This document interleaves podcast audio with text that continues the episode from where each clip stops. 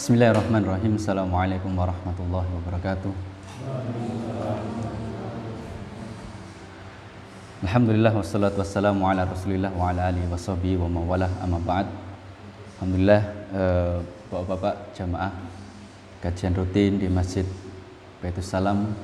Alhamdulillah malam hari ini kita bisa kembali berkumpul di majelis ilmu, majelis yang memiliki banyak sekali kemuliaan dan keutamaan sebagaimana yang pernah kita sampaikan dulu di pertemuan yang pertama tentang keutamaan majelis ilmu. Di antaranya adalah dinaungi rahmat oleh Allah dikelilingi oleh malaikat dan orang-orang yang hadir di dalam majelis tersebut disebut-sebut namanya oleh Allah di hadapan para malaikat di langit sana. Dan sebagaimana yang telah berlalu pada pertemuan sebelumnya kita membahas tentang tema ngaji tanpa arah yang membahas fenomena sebuah kesalahan dalam cara belajar agama ini. Kita sudah belajar bagaimana agar kita belajar itu terarah, terukur, sistematis sehingga menghasilkan pemahaman yang utuh dan matang. Dan di antara materi yang sudah kita sampaikan yang lalu adalah bahwasanya dalam kita belajar agama ini butuh bimbingan seorang guru. Jadi agama ini nggak bisa dipelajari otodidak. Kita beli kitab-kitab sendiri, baca-baca sendiri, ya nggak bisa. Harus dengan bimbingan seorang seorang guru. Karena itulah yang dicontohkan oleh para ulama kita terdahulu ya siapa? Sebutkan nama-nama ulama. Semuanya pasti punya guru. Bahkan Al Imam Al Bukhari gurunya lebih dari seribu. Ini membuktikan bahwasanya belajar agama ini butuh guru. Ini bukan suatu keterampilan yang bisa dipelajari mandiri. Seperti mungkin kita apa mempelajari uh, tentang pertukangan atau apa. Itu mungkin bisa kita baca buku lihat di YouTube. Tapi kalau untuk agama tidak bisa, harus dengan bimbingan seorang guru. Maka materi kita pada malam hari ini adalah siapa yang berhak diambil ilmunya. Ketika tadi kita sampaikan bahwasanya belajar agama ini butuh guru, nah siapa orang yang layak kita jadikan sebagai guru dan bisa kita ambil ilmunya. Allah Subhanahu wa taala berfirman di dalam Al-Qur'an, "Fas'alu ahla kuntum la ta'lamun. Allah sebutkan dua kali ya di dalam uh, Al-Qur'an, Quran surat uh, Al-Anbiya dan Quran surat uh, An-Nahl. Ya, Allah sebutkan dua kali. Maka bertanyalah kalian kepada orang yang berilmu. Jikalau kalian tidak mengetahui ahla zikri sebagaimana yang disebutkan oleh Alimah Ibnu Katsir rahimahullah, ahla zikri di sini maksudnya adalah ahlul ilm, orang yang memiliki ilmu. Nah, itu e, perintah Allah di dalam Al-Qur'an. Tanya kepada orang yang berilmu, yang memang dia punya ilmunya. Ya. Kemudian berikutnya kita sampaikan juga di sini sabda Nabi Shallallahu alaihi wasallam dalam sebuah hadis yang diriwayatkan dari sahabat Abdullah bin Amr bin As radhiyallahu anhuma bahwasanya Rasulullah Shallallahu alaihi wasallam bersabda, "Innallaha la yaqbidul ilma intiza'an yantazi'uhu minal ibad. Sesungguhnya Allah tidak akan mengambil atau mencabut ilmu begitu saja langsung lenyap dari para hambanya langsung hilang begitu saja tidak. Dicabut gitu kayak nyabut rumput enggak. Walakin yaqbidul ilma biqabdil ulama. Akan tetapi Allah mencabut ilmu dengan mewafatkan para ulama. Sekarang kita hitung berapa banyak ulama yang sudah meninggalkan kita. Bahkan kalau mau kita hitung-hitungan selama pandemi saja, sejak awal pandemi, berapa ulama yang sudah dipanggil oleh Allah. Ini menunjukkan ilmu perlahan-lahan Allah cabut. Kalau kita nggak segera belajar kepada orang yang punya ilmu, wah, rugi kita. Nanti kalau semua ulama sudah diwafatkan, kita mau belajar ke siapa?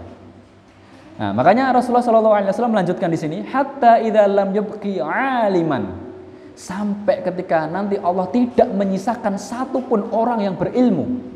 Ittakhadan nasu ru'usan juhalan. Manusia akan menjadikan ya tokoh-tokoh mengangkat pembesar-pembesar, pemimpin-pemimpin ya yang mana mereka juhalan, orang-orang yang nggak punya ilmu, tapi ditokohkan, diagungkan, diustadkan, diulamakan, padahal nggak punya ilmu. Fasu'ilu fa'aftau bi ghairi ilm fadallu wa adallu. Maka kemudian tokoh-tokoh yang sebenarnya nggak punya ilmu ini tadi yang kemudian diangkat derajatnya dijadikan ulama dijadikan ustadz padahal sebenarnya nggak punya ilmu mereka ditanya oleh para manusia ya misalnya wahai ustadz ini bagaimana hukumnya boleh atau tidak ya maka karena mereka nggak punya ilmu bigari ilm mereka akan berfatwa tanpa dasar ilmu apa yang terjadi fadallu wa adallu maka kemudian mereka menyesatkan diri mereka sendiri dan juga menyesatkan orang lain karena fatwanya ngawur tidak dibangun di atas ilmu. Nah, di sini diriwayatkan oleh Al Imam Al Bukhari. Kemudian kita sebutkan hadis yang lain juga. An Abi Umayyah Al Jumahi dari sahabat yang bernama Abu Umayyah Al Jumahi. Rasulullah Shallallahu Alaihi Wasallam bersabda, Inna min asyatis sa'ah ayul tamasal ilmu indal asoghir. Sesungguhnya di antara tanda-tanda hari kiamat adalah diambilnya ilmu dari al-asoghir. Al-asoghir ini kalau diterjemahkan letter luck itu orang-orang yang kecil. Wah, berarti maksudnya apa? Anak-anak. Maka kita lihat penafsiran para ulama. Qala Abdullah ibn Mubarak, Abdullah ibn Mubarak ini salah seorang ulama dari generasi tabi'in. Tabi'in ini generasi setelah para sahabat, mereka adalah murid-murid para sahabat. Apa? Penjelasan dari beliau tentang al-asaghir. Al-asaghir humul ahlul bid'ah mereka ini adalah orang-orang yang suka membuat-buat sesuatu yang bukan dari Islam tapi dianggap diklaim bahwasanya ini bagian dari Islam. Ya, apa pun itu. Ya, entah itu akidah, ya, keyakinan misalnya tentang Allah. Allah itu dari dulu keyakinannya yang dipahami oleh Rasulullah dan para sahabat seperti itu, tapi kemudian dia membawakan keyakinan akidah yang baru yang bertentangan dengan apa yang di yakini, diimani oleh para sahabat. Atau mungkin dalam perkara ibadah, ya buat-buat ibadah yang baru. Nah ini, inilah yang disebut dengan al-asagir. Sebagaimana yang dijelaskan oleh Al-Imam Abdullah Ibn Mubarak. Kemudian kita juga bawakan perkataan dari ulamanya para sahabat. Siapa? Abdullah Ibn Mas'ud radhiyallahu taala Beliau berkata, Ya, ini dinukil oleh Al Imam Al Bukhari dalam kitab beliau Al Adabul Mufrad. Jadi Al Imam Bukhari itu kalau yang terkenal kitabnya adalah Sahih Bukhari, tapi sebenarnya beliau juga memiliki kitab-kitab yang lain seperti Al Adabul Mufrad ya, yang berisi tentang hadis-hadis dan athar-athar yang berkaitan tentang adab dan akhlak. Ada juga tentang khalaqu af'alil ibad. Ini berkaitan tentang masalah takdir, ya. Nah, Abdullah bin Mas'ud berkata, ya sebagaimana yang dinukil oleh Imam Bukhari innakum fi zamanin kathirun fuqaha'uhu qalilun khutoba'uhu. Ini beliau sampaikan di hadapan murid-murid beliau yaitu para tabi'in. Sesungguhnya kalian hidup di zaman banyak orang yang paham agama fuqaha. Qalilun khutoba'uhu. Akan tapi sedikit penceramahnya. Ya ini sebenarnya panjang tapi saya potong saya langsung skip ke bagian ya wasaya timin ba'dikum zamanun qalilun fuqaha'uhu kathirun khutoba'uhu. Dan nanti akan datang suatu zaman ya yang mana orang yang paham agama fuqaha sedikit kathirun khutoba'uhu. Tapi banyak penceramah. Hitung-hitungan di YouTube berapa itu penceramah? Itu yang di YouTube belum yang nggak di YouTube di Facebook di Instagram semuanya jadi seolah-olah semua orang ini boleh berbicara masalah agama coba dalam masalah yang lain, bidang yang lain, atau mungkin memang sudah zamannya ya. Bahkan bidang yang lain seperti contoh akhir-akhir ini, bidang kesehatan. Ya, dia nggak paham, ya ngomong komentar permasalahan, ya entah itu vaksin, entah itu virus. Sekolah kedokteran saja nggak pernah. Terus dia ngomong, modalnya apa? Asal bunyi. Makanya inilah yang disebutkan oleh Abdullah bin Mas'ud radhiyallahu anhu. Banyak orang ngomong, khutbah, ceramah, tapi yang paham, yang berilmu sedikit. Ini beda di zaman dulu. Di zaman dulu tuh orang yang berilmu banyak, tapi yang apa berceramah menyampaikan ilmu sedikit. Beda dengan zaman kita, ya. Nas'alullah salamah wal afiyah. Nah, maka yang namanya kepandaian bicara ini bukan ukuran. Ya, ketika banyak penceramah, oh, gaya bicaranya macam-macam ya, yang lucu lang ini, maka kepandaiannya berbicara itu bukan ukuran, tapi apa yang disampaikan. Ya, kita bawakan di sini, ya kita ambil dari kitab Ithaful Qari, kita alik ala Syahri Sunan al-Balbahari, karya Al-Imam Al-Barbahari yang dijelaskan oleh Syekh Saleh Fauzan Al-Fauzan hafizahullah. Kita nukilkan di sini. Ya. Fa'alaika ayuhal muslim wa talibal ilm bidzat. Maka hendaknya kalian wahai umat Islam, kaum muslimin dan juga terutama para penuntut ilmu agama an tatathabbata wa la tasta'jil ma'a tasma' Hendaknya kalian ini cek dan recheck dulu, cross check dulu, dipastikan dulu kebenarannya. Dan jangan terburu-buru, tergesa-gesa. Ketika kalian menerima sesuatu berita, kalian mendengar sesuatu, mendengar berita, contoh misalnya katanya, oh ini kalau disuntik vaksin katanya nanti seperti ini seperti ini, benar nggak itu? Cross check dulu, Siapa yang ngomong gitu? Dokter bukan. Kalau dokter, dokter spesialis bukan. Jangan semua berita apa yang kita dapat di internet, kita dengar di berita, kita terima mentah-mentah. Nah ini apa bedanya orang yang berilmu dengan tidak berilmu? Nggak bisa milih-milih, mudah terprovokasi. Ya, nah ini, ini nasihat yang sangat bagus sekali. Alaika bitatsabbut, hendaknya engkau ya mengecek dulu memvalidasi, cross check, benar enggak itu yang disampaikan. Ya, beritanya benar enggak? Cari tahu dulu kebenarannya. Ya. Maka ketika dia mencari tahu, dia akan muncul dalam pikirannya ya pertanyaan-pertanyaan. Man? Siapa yang bilang? Yang ngomong ini siapa? Kalau contoh misalnya masalah eh, pandemi, siapa yang ngomong? Dokter bukan, punya kapasitas enggak? Nah, kalau dokter dia dokter apa? Jangan-jangan dokter hewan. Enggak ada hubungannya dengan pandemi. Ini virus yang menyerang manusia. Lihat dulu. Ya. Siapa yang bicara? Kemudian, wa min aina jaa hadzal fikr? Dari mana datangnya munculnya pemikiran ini?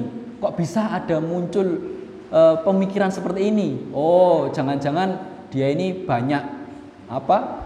Eh, kumpul-kumpul komunitas nggak jelas ya. Teori-teori apa katanya? Konspirasi. Subhanallah. Apa itu?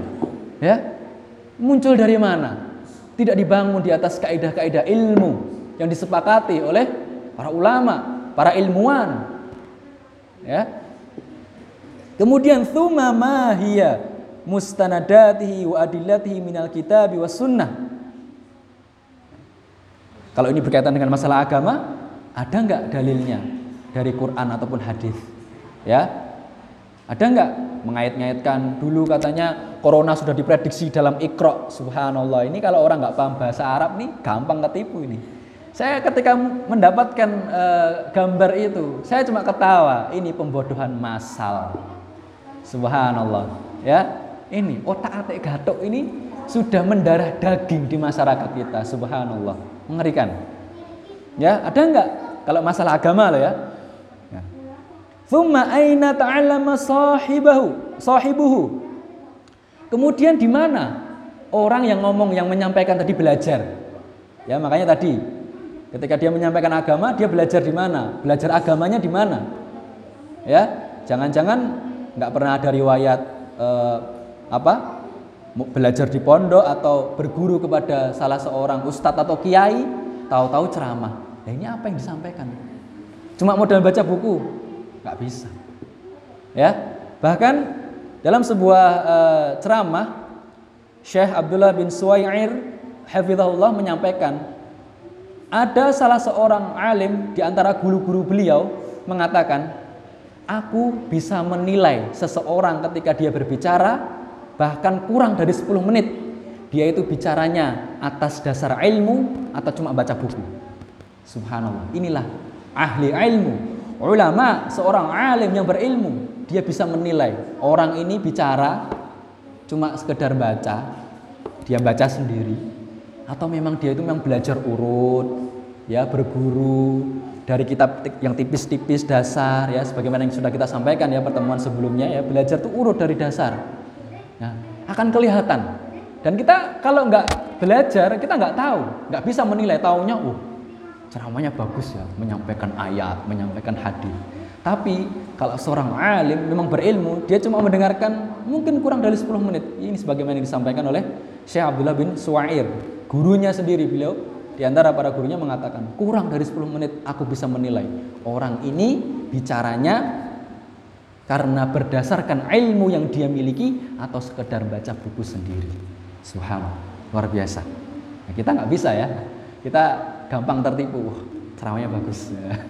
Nah, Kemudian wa amman akhadal ilma. Dari mana dia belajar? Kalau tadi di mana dia belajar? Sekarang dari siapa dia dari bela belajarnya? Dari siapa? Tadi tempatnya. Ya, misalnya oh belajarnya dulu pernah belajar di pondok atau di mana atau di masjid mana rutin ikut kajian. Nah, sekarang amman akhadha ilma dia belajar dari siapa? Gurunya siapa? Gurunya juga harus ahli. Ya. Gurunya nggak boleh orang sembarangan, ya. Kalau gurunya saja belum sampai ahli, nah apa yang mau diajarkan? Makanya dalam bahasa Arab ada pepatah syai'i la yu'ti. Orang yang nggak punya apa-apa, nggak memiliki sesuatu, nggak bisa memberi apa yang mau dikasih? Dia nggak punya ilmunya, apa yang mau diajarkan? Nah makanya kita lihat ya, ketika di kampus-kampus dosen-dosen paling paling tidak minimal mereka harus S3. Yang S2 S2 sekarang mereka harus S3. Karena mereka dituntut lebih mengajar. Mereka sudah bukan belajar lagi, harus mengajar. Ketika mengajar tentu ilmunya harus lebih. Kalau nggak punya ilmunya apa yang mau disampaikan ke mahasiswanya? Bahkan sampai harus profesor. Itu ilmu dunia. Begitu pula ilmu agama. Ya, kita nggak boleh pilih-pilih kasih cuma ilmu dunia saja. Enggak, ilmu dunia bahkan ilmu e, agama bahkan lebih penting. Ya, seperti itu. Dilihat dulu siapa gurunya. Gurunya e, punya kapasitas enggak? Oh, memang ahli enggak? Nah, seperti itu. Nah, inilah ya. Fahadhihi umurun tahtaju ila tathabbut. Inilah perkara-perkara yang membutuhkan cross check, check dan recheck ya khususan fi zaman apalagi di zaman kita sekarang ini fama kullu qailun hatta walau kana fasihan wa balighan wa yushaqqiqul kalam wa ya'khudhu bil asma' la taghtar bihi bahkan kalau seandainya ada orang yang berbicara dengan bahasa yang sangat fasih, indah, Ungkapannya itu menarik hati bahkan menggugah jiwa. Kalau ceramah itu sampai jamaahnya nangis. Ya, wah luar biasa kalau ceramah, mengerikan. Wah, masya Allah sekali. Apa kata Syekh Saleh Fauzan? Fala tarbihi. Jangan tertipu. Maksudnya gimana? Hatta taro madama indahu minal ilmi wal fiqhi. Sampai engkau mengetahui kapasitas keilmuan dan pemahamannya tentang agama. Jadi nggak cuma modal ceramah pinter ngomong, dilihat dulu ilmunya gimana. Ditanya permasalahan agama, fikih, ya tentang akidah gimana. Ya, kalau cuma pinter ngomong ya motivator itu lebih pinter ngomong, ya. Motivator di seminar-seminar, wah lebih pinter itu. Wah, sampai nangis-nangis, wah seneng, luar biasa. Motivator lebih pinter ngomong, ya. Tapi patokan kita bukan itu. Dalam masalah agama dilihat kompetensinya, dia menguasai enggak ya ilmu yang dia sampaikan. Kalau dia misalnya mengajar akidah, dia menguasai enggak akidah secara detail dan rinci. Mengajarkan hadis, dia harus paham. Jangan-jangan dia ngajar hadis yang disampaikan hadisnya hadis palsu. Subhanallah, mengerikan. Ya, dosanya berat ini. Bahkan Rasulullah SAW mengancam, ya, fal yatabawwa maq'adahu minan nar. Silahkan siapkan tempat duduknya di neraka. Kalau menyampaikan hadis palsu, ancamannya berat. Ya, makanya apa pun ilmunya dia harus menguasai. Ya, ini berlaku di semua bidang cabang keilmuan, baik itu ilmu dunia ataupun ilmu agama. Ya, masa iya ada seorang profesor dalam bidang teknik sipil tapi ngajar dia apa? di kedokteran. Bisa nggak kira-kira? Profesor ini, profesor tapi dalam bidang teknik sipil, konstruksi bangunan. Terus ngajar di fakultas kedokteran, kira-kira bisa apa enggak? Sakit apa enggak? Enggak bisa. Karena bukan kapasitasnya. Ya, bukan kapasitas yang dia kuasai. Ya, seperti itu. Nah, maka ini menjadi perhatian bagi kita. Sehingga Al-Imam Muhammad bin Sirin rahimahullah salah seorang ulama dari generasi tabi'in beliau menasihatkan inna hadzal ilma dinun fangzuru amman ta'khuduna dinakum. Ya, sesungguhnya ilmu ini adalah agama. Maka hendaknya kalian perhatikan dari mana kalian mengambil agama kalian. Selektif. Ya, ini e, dinukil oleh Al-Imam Muslim dalam muqaddimah sahih beliau. Jadi dalam sahih Muslim kalau kita buka muqaddimahnya ada perkataan Muhammad bin Sirin ini. Nah, setelah kita tahu tadi muqaddimah hadis-hadis ya, ayat hadis dan asar para tabi'in, ulama kita akhirnya bisa mengambil kesimpulan apa? Bahwasanya kita kalau mau belajar apa pun ya ilmunya apalagi ilmu agama ini tentu harus dari ahlinya atau dari pakarnya ya pakarnya. Nah di antara dia pakar dia ahli tentu dia belajarnya juga dari seorang yang ahli. Nggak mungkin ada seseorang yang dia bisa menjadi ahli tapi belajarnya masih dari pemula. Nggak mungkin. Dan ini disepakati oleh orang yang berakal sehat. Ini disepakati semua. Masuk akal. Ini nggak e, nggak mungkin seseorang ini bisa menjadi ahli kalau gurunya juga nggak ahli. Gimana? Ya? Misalnya ingin mempelajari ilmu apa? Ilmu duniawi. Pasti guru-gurunya pun ahli profesor dan lain sebagainya. Maka dia akhirnya bisa menjadi ahli juga. Nah, maka inilah yang disebut dengan mata rantai silsilah keilmuan atau kalau di dalam Islam kita menyebutnya dengan sanat atau isnad. Sehingga uh, Al-Imam Abdullah bin Mubarak rahimahullah ya salah seorang ulama dari generasi tabi'in juga beliau mengatakan al-isnadu minad din sesungguhnya sanat atau mata rantai keilmuan itu adalah bagian dari agama. Walau lal isnad laqala man syaa ma yasha. Kalau tidak ada sanat, maka semua orang akan berbicara semaunya sendiri. Ya, berbicara semaunya sendiri. Contoh tadi, contoh ini yang banyak terjadi akhir-akhir ini di sekitar kita, masalah vaksin. Dia ngomong, ini vaksin ini menyebabkan seperti ini seperti ini. Dia dapat sumbernya dari mana? Ditelusuri mata rantainya ini informasinya dari mana? Insya Allah itu bukan dari kedokteran yang ilmiah. Ya, seperti itu. Begitu pula ilmu agama ini, ketika dia berbicara ini halal, ini haram, ini ada hadisnya, dilihat dulu dia dapat dari mana silsilahnya, ditelusuri, bisa nyambung nggak sampai Rasulullah? Apa yang dia sampaikan itu, kalau ditelusuri ilmunya itu nyambung nggak, sama nggak? Seperti apa yang disampaikan oleh Rasulullah Shallallahu Alaihi Wasallam kepada para sahabat beliau radhiyallahu taala anhum ajma'in.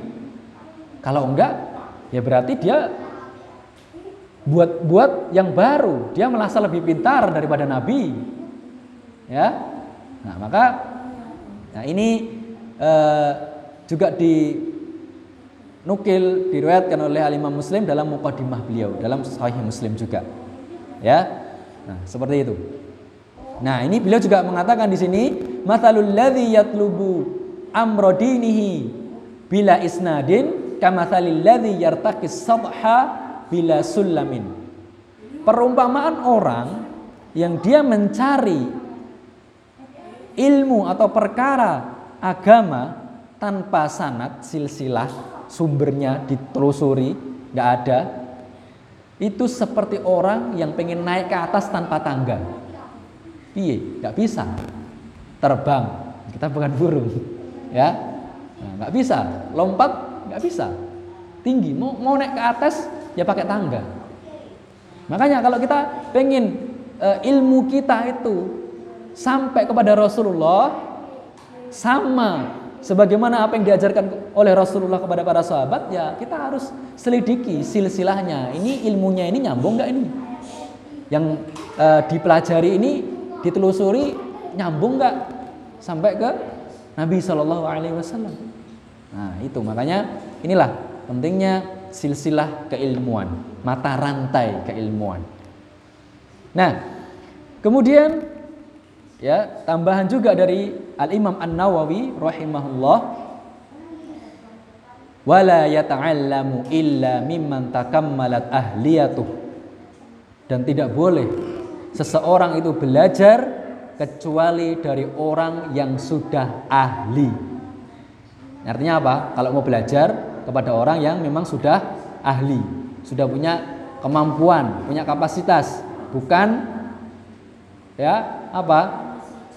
Yang dia masih pemula, bahkan orang awam tapi diustadkan. Padahal ilmu nggak punya. Dan dia terlihat menjaga agamanya, sholatnya, ya. Kemudian puasa dan amalan-amalan yang terlihat. Dan khusus untuk laki-laki ya ini khusus laki-laki jenggot kalau ada dai dia mencukur jenggotnya. Dah. Berarti dia tidak menjaga agamanya. Karena hadisnya jelas. Biarkanlah atau peliharalah jenggot. Dibiarkan jangan dicukur. Dan kalau kita belajar kaidah-kaidah fikih dan usul fik al aslu fil amri yaqtadilil wujub. Hukum asal perintah itu wajib. Ya, kecuali ada dalil yang memalingkannya menjadi sunnah atau mubah. Nah, terkait masalah membiarkan jenggot, kita belum menemukan dalil yang merubah dari wajib menjadi sunnah. Maka kalau ada ya dai ustadz kok apa jenggotnya dicukur wes ini alamat dia tidak menjaga agamanya kan kelihatan yang jelas. Yang nampak-nampak saja. Kita nggak usah mengecek uh, ustadznya ini sholat tahajud apa enggak puasa senin kemes apa enggak enggak perlu. Cukup yang terlihat-terlihat saja. Ya sholatnya puasanya ya. Bagaimana dia berinteraksi kepada uh, sesama ya. Wa tahaqqaqat ma'rifatuh. Dan memang eh, apa keilmuannya ini terbukti teruji ya bisa dengan rekomendasi dari ustadz yang lain atau ulama yang lain atau dari gurunya ya silakan belajar kepada muridku yang itu misalnya nah ini nah ini harus jelas nyata ya tidak e, tersembunyi ya ini cuma ceramah di depannya ada buku, baca.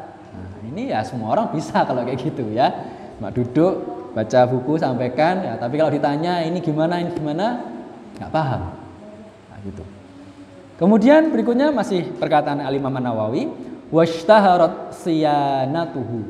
Dan dia juga dikenal sebagai orang yang e, menjaga dirinya agar tidak terjerumus dalam perkara-perkara yang e, melalaikan ya atau perkara-perkara yang itu menjatuhkan muruah. Muruah itu apa? E, wibawa. Jadi mungkin ada sebenarnya perkara-perkara yang boleh, hukumnya mubah. Tapi khusus bagi seorang pengajar agama, nah ini ada hal-hal yang khusus. Misalnya mungkin ada di antara beberapa asatid mereka menjaga tidak makan di luar. Ya agar ya kadang kalau makan kan ya mungkin akan terlihat ya aib atau apa. Jadi beliau kalau makan itu nggak pernah di luar. Kalau beli ya dibungkus dibawa pulang untuk menjaga apa wibawa. Ada juga ya ustadz yang kalau pakai baju pasti lengannya panjang, nggak pernah pakai lengan pendek. Bukan berarti kok lengan pendek haram, enggak. Ini hanya sekedar untuk menjaga wibawa tadi. Ya, seperti itu. Ya, ini jangan terus dipahami. Pakai baju pendek nggak boleh, enggak, enggak apa-apa, boleh. Nah, cuma ini kekhususan bagi sebagian orang yang memang dia disebut sebagai ahli ilmu orang yang memiliki kapasitas keilmuan. Nah, sehingga Al-Imam Malik Imam Daril Hijrah gurunya Imam Syafi'i ya beliau berkata la yukhadul ilmu an arba'ah tidak boleh kita mengambil ilmu atau ilmu itu diambil dari empat jenis orang ini. Nah, ini perlu kita perhatikan nasihat dari Imam Malik. Ya. Salah seorang ulama besar di antara uh, empat imam madhab, gurunya Imam Syafi'i. Ulamanya kota Madinah.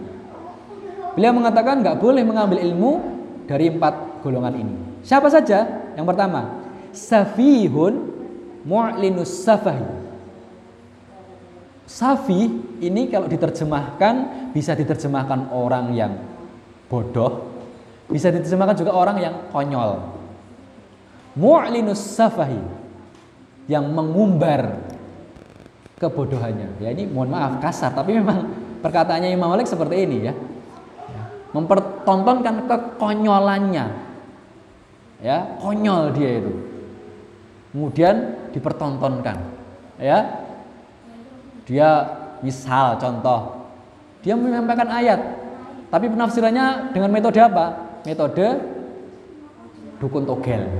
Oh ini surat nomor ini, ayat nomor ini, juz nomor ini, tanggal sekian, oh ada kejadian. Apa bedanya sama dukun togel? Kalau metode tafsirnya seperti ini, ini orang konyol kayak gini. Tapi sayangnya, ya subhanallah, la haula wala quwata illa billah. Banyak orang yang terkagum-kagum. Oh iya ya, cocok ini, masuk angkane. Padahal para ulama terdahulu sebutkan kitab tafsir-tafsir nggak ada yang menafsirkan metode seperti itu. Coba buka kitab tafsir apa pun, tafsir Ibnu Katsir, tafsir Al-Qurtubi, At-Tabari, jalan lain apa? Nggak ada menafsirkan dengan metode nomor ayat, nomor surat, dicocokkan dengan tanggal, bulan, tahun, apa bedanya dengan dukun togel? Kalau seperti ini, la haula billah. Ini musibah akhir zaman. Nah, ini yang pertama, orang konyol kemudian dia mempertontonkan kekonyolannya. Yang kedua, wasahibu hawa yad'u ilaihi. Pengikut hawa nafsu yang dia mengajak kepada dirinya, mengajak kepada hawa nafsunya tersebut. Contoh, zaman sekarang banyak orang bersembunyi di balik kata ini ikhtilaf di kalangan ulama. Ini perbedaan di kalangan ulama. Tetapi sebenarnya dia hanya ingin mengikuti pendapat ulama yang sesuai dengan hawa nafsunya. Iya, memang. Sebagian permasalahan ulama berbeda pendapat. Tapi bagaimana kita menyikapinya? Kita menyikapi mana yang lebih mendekati kebenaran, mana yang dalilnya lebih kuat. Bukan aku kita cocok iki Ini pengikut hawa nafsu. Dia alasan, lah ini imam ini boleh kok mengatakan ini nggak apa-apa kok. Padahal jelas-jelas ada pendapat yang lebih kuat dan dalilnya lebih kuat. Tapi alasannya apa? Ini kan ikhtilaf di kalangan ulama. Ya, ini cuma alasan saja. Sebenarnya dia cuma mau mengikuti ya kesimpulan hukum yang sesuai dengan keinginan dan hawa nafsunya. Adapun orang yang memang dia hatinya bersih, ingin mencari kebenaran ketika dia melihat ada perbedaan di kalangan para ulama, dia akan mencari mana yang pendapatnya lebih mendekati kebenaran, mana yang dalilnya lebih kuat. Inilah orang yang benar-benar lurus, hatinya bersih, ingin mencari kebenaran, bukan ingin mencari keinginan maunya sendiri hawa nafsunya. Enaknya yang mana? Karena banyak orang model seperti ini akhirnya apa? Di dalam menyimpulkan suatu hukum, dia akan memilih pendapat-pendapat yang enak menurut hawa nafsunya. Dan ini banyak terjadi. Nah ini nggak boleh kita mengambil ilmu dari orang model seperti ini, meskipun itu ustadz, kiai, ulama sekalipun. Kalau terlihat dia menggiring pendapatnya kepada suatu pendapat yang mana ini pendapatnya sebenarnya lemah, ada pendapat yang lebih kuat, maka tinggalkan. Gak boleh kita ngambil ilmu dari orang model seperti ini. Yang ketiga, warajulun ma'rufun bil kadhib fi ahadithin nas wa in kana la yakdzib ala Rasulillah sallallahu alaihi wasallam. Seseorang yang dia itu dikenal suka berbohong. Meskipun dia berbohongnya ketika berbicara dengan manusia dalam perkataan manusia. Contoh, misalnya dia berbohong dalam masalah omongan manusia itu seperti ini. Ini loh, e, kata ulama ini boleh seperti ini. Padahal ulama yang dia sebutkan tadi nggak pernah mengatakan demikian. Atau ini kata ustadz itu boleh kok. Padahal ustadznya nggak pernah ngomong demikian.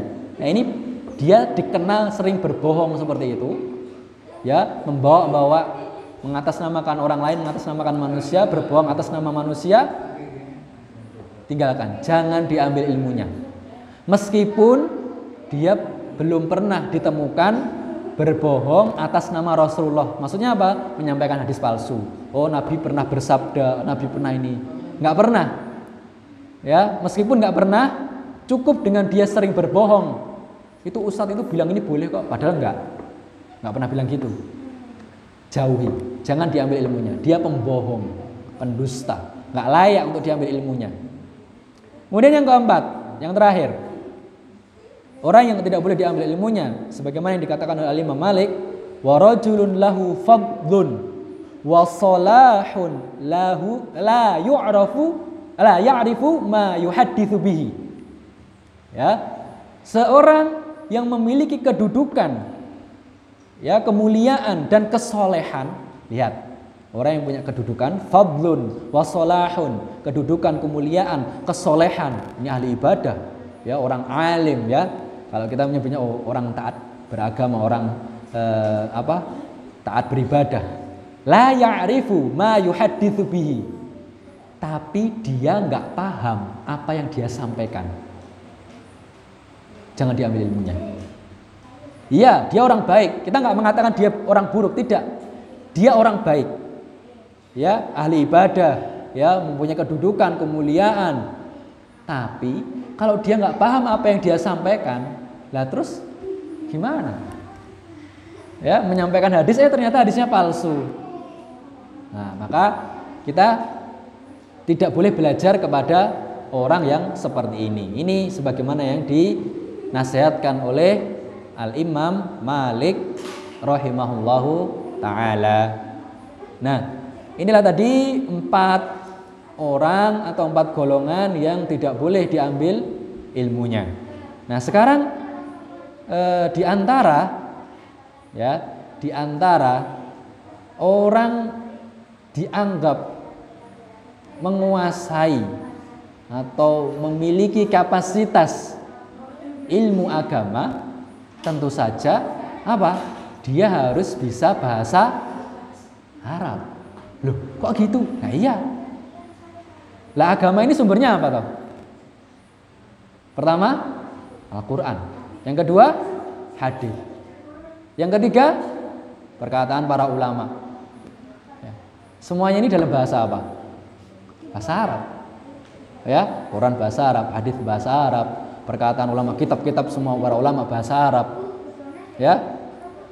Maka kalau dia tidak memiliki kemampuan ini, maka dia dulu. Ya jangan buru-buru terus belajar dari dia. Meskipun oh mungkin apa dia memiliki sebagian hafalan atau ya maklumat ilmu.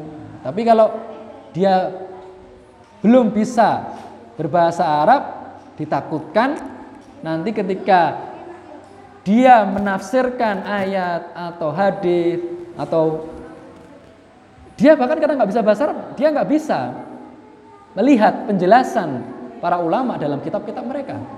Terus dia hanya menjelaskan berdasarkan penafsirannya sendiri. Nah, ini yang berbahaya. Nah, maka Ali Imam Syafi'i rahimahullah beliau mengatakan, "Ma jahilan nas walakhtalafu illa litarkihim lisan al-arabi wa mailahum ila lisani Aristoteles. Dan tidaklah manusia itu menjadi bodoh dan terpecah belah berselisih kecuali akibat mereka meninggalkan bahasa Arab dan mereka lebih condong kepada bahasanya Aristoteles maksudnya apa bahasa-bahasa orang-orang orang-orang barat ya bahasa-bahasa filsafat. Kemudian perkataan yang lain juga dari Ayub As-Sikhtiyani, salah seorang ulama dari generasi tabi'in. Amatu man tazandaqa min ahli al-Iraq li jahlihim bil Arabiyyah. Kebanyakan manusia yang menyimpang, yang menjadi sesat dari penduduk Irak pada zaman itu, ya, Akibat apa? Lijahlihim bil Arabiyah. Karena mereka nggak paham Arabiyah, nggak paham bahasa Arab. Ya, ini bisa dilihat dalam kitab Khutbatul Kitab karya Abu Syamah. Sebagaimana pula yang dinukil oleh Al-Imam Ibn Syihab Az-Zuhri, salah seorang ulama hadis, muridnya Abu Hurairah. Beliau mengatakan, "Inna ma akhta'an nas fi kathirin min ta'wilil Qur'an lijahlihim bilughatil Arab. Sesungguhnya ya, manusia itu jatuh dalam kesalahan ya dalam banyak penafsiran Quran akibat mereka tidak paham bahasanya orang Arab. Kemudian nukilan yang terakhir yang kami ingin sampaikan adalah perkataan Al-Imam Al-Hasan Al-Basri ya salah seorang ulama juga dari generasi tabi'in. Ya, beliau mengatakan ahlakathum al-ajamah yata'awwaluna al-Qur'ana ala ghairi ta'wilih. Orang-orang selain bangsa Arab mereka binasa, celaka. Karena apa? Mereka menafsirkan Al-Qur'an tidak sesuai dengan penafsiran yang tepat. Kenapa? Mereka nggak bisa bahasa Arab. Ya, ini sebagaimana dinukil oleh At-Tufi dalam kitab Syarah Mukhtasar Ar-Rawdah. Nah, maka sebelum kita tutup kesimpulannya apa? Siapa toh yang berhak kita ambil ilmunya? Yang pertama tentu saja akidahnya harus lurus. Ya, dia seorang yang halus sunnah. Kita nggak boleh belajar kepada orang di daerah halus sunnah belajar kepada syiah nggak boleh syiah bukan Islam bahkan ya syiah bukan Islam ya nggak boleh belajar kepada orang yang akidahnya lurus. Kemudian yang kedua, tentu saja dia harus menguasai ilmu tersebut. Ya, di antara ilmu-ilmunya tadi ilmu-ilmu dasar, ya, tentang akidah, ya, tentang tauhid fikih. Ya, dia harus paham dasar-dasar toharoh, sholat, ya. Kemudian bahasa Arab, fikih, kaidah-kaidah fikih, kaidah-kaidah usulul fiqh, dia harus paham itu. Kemudian yang ketiga, dia belajar dari ahlinya. Nggak boleh dia cuma modal baca buku sendiri. Ya kalau yang dia pahami benar. Nah kalau dia salah paham, nah, bahaya. Makanya butuh guru. Yang ketiga, eh, yang keempat, dia belajarnya ini ada proses waktunya, durasi agak lama, ya. Ada orang ngaku, saya pernah belajar kepada syekh ini, ulama ini. Ditanya, berapa lama? Ya, saya duduk di majelisnya cuma pas dulu umroh ya dua tiga kali. Nah ini bukan berguru namanya ini ya. Anda datang hadir di kajiannya. Tapi kalau Anda disebut sebagai muridnya ya nggak bisa, belum. Dia harus dikenal, belajar lama. Karena yang namanya belajar bertahap, urut itu pasti lama. 5 tahun, 10 tahun, ya dan seterusnya. Ya, ini ada empat. Kemudian yang kelima dan keenam ini eh, apa? Tambahan Ya, kalau ada ini lebih bagus. Apa? Yang pertama tazkiyah.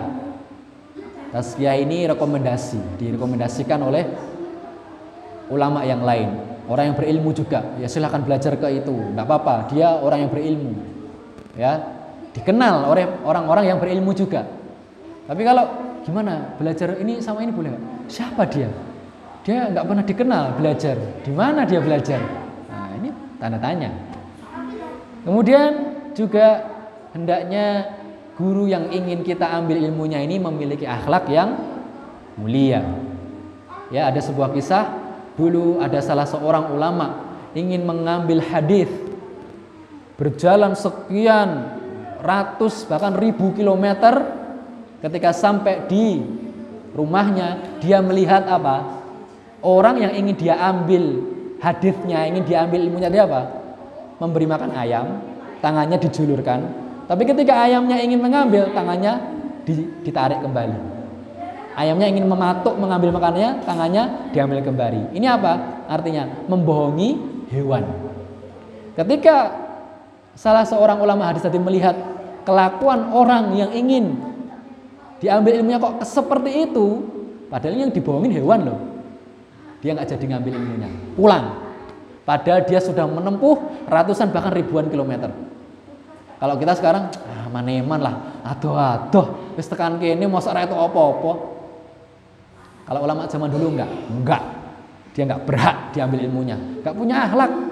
Sama hewan saja dia berani bohong, nanti jangan-jangan ketika menyampaikan hadis kepada saya, dia bohong juga. Inilah mereka sangat selektif memilih ilmu. Makanya ilmu mereka ini barokah. Ya, karya-karya mereka masih bisa kita nikmatin sampai sekarang. Di antaranya ini karya Al-Imam Al-Barbahari. Masih bisa kita baca sampai sekarang. Tanda keberkahan ilmu para ulama zaman dahulu. Dan sebelum kami tutup ya, hendaknya kita terutama yang masih pemula ini, yang ilmunya masih cetek ini, benar-benar selektif dan berhati-hati dalam mengambil rujukan ilmu agama. Ya, jangan kita sok-sokan bilang nggak apa-apalah kita belajar tuh sama semua ustadz. Semua tuh sama. Ya kalau ada salah kita ambil baiknya kita buang buruknya. Pertanyaannya bisa nggak kita memfilter dan menyaring mana yang baik dan mana yang buruk? Wong kita nggak punya ilmunya. Itu pertanyaan. Maka kalau ada orang yang mengatakan wes lah ngaji itu nggak usah milih-milih yang penting ustadz, yang penting kiai datangi majelisnya tanpa mempertimbangkan hal-hal yang sudah kita bahas tadi ini. Nggak tahu dia latar belakangnya seperti apa, ya, dia menguasai ilmunya apa tidak. Yang penting ngomongnya apik gitu. Wah ceramahnya menggugah hati, datang. Nah ini bahaya. dengan prinsip ambil baiknya, buang buruknya. Pertanyaannya, emangnya sudah punya ilmu untuk bisa membedakan mana yang baik, mana yang buruk? Jangan-jangan nanti yang sebenarnya itu buruk, tapi karena nggak punya ilmu dianggap baik. Ini musibah. Nggak jadi dapat ilmu, malah dapat apa? Dapat dosa. Makanya tadi di awal kita sampaikan hadis apa? Hatta idza lam yubki aliman sampai ketika Allah tidak menyisakan satupun ulama seorang yang berilmu, apa yang terjadi? Ittakhadhan nasu ru'usan juhala. Manusia akan mengangkat tokoh-tokoh yang tidak memiliki ilmu, diangkat jadi ustadz, diangkat jadi ulama. Bahasa Arab aja nggak bisa, gimana? Akhirnya apa? Fasu'ilu. Mereka bertanya kepada orang-orang tadi, fa'af tau bighairi ilm. Kemudian di, mereka berfatwa tanpa ilmu, fadollu wa adollu. Akhirnya mereka sesat dan menyesatkan. Inilah yang bisa kami sampaikan, kurang lebihnya kami mohon maaf. Apabila ada kekurangan, itu murni semata-mata dari kami. Dan apabila ada yang benar, itu semata karena hidayah dan taufik dari Allah. Kami cukupkan subhanakallahumma wa bihamdika asyhadu an la ilaha illa anta astaghfiruka wa atubu. Assalamualaikum warahmatullahi wabarakatuh.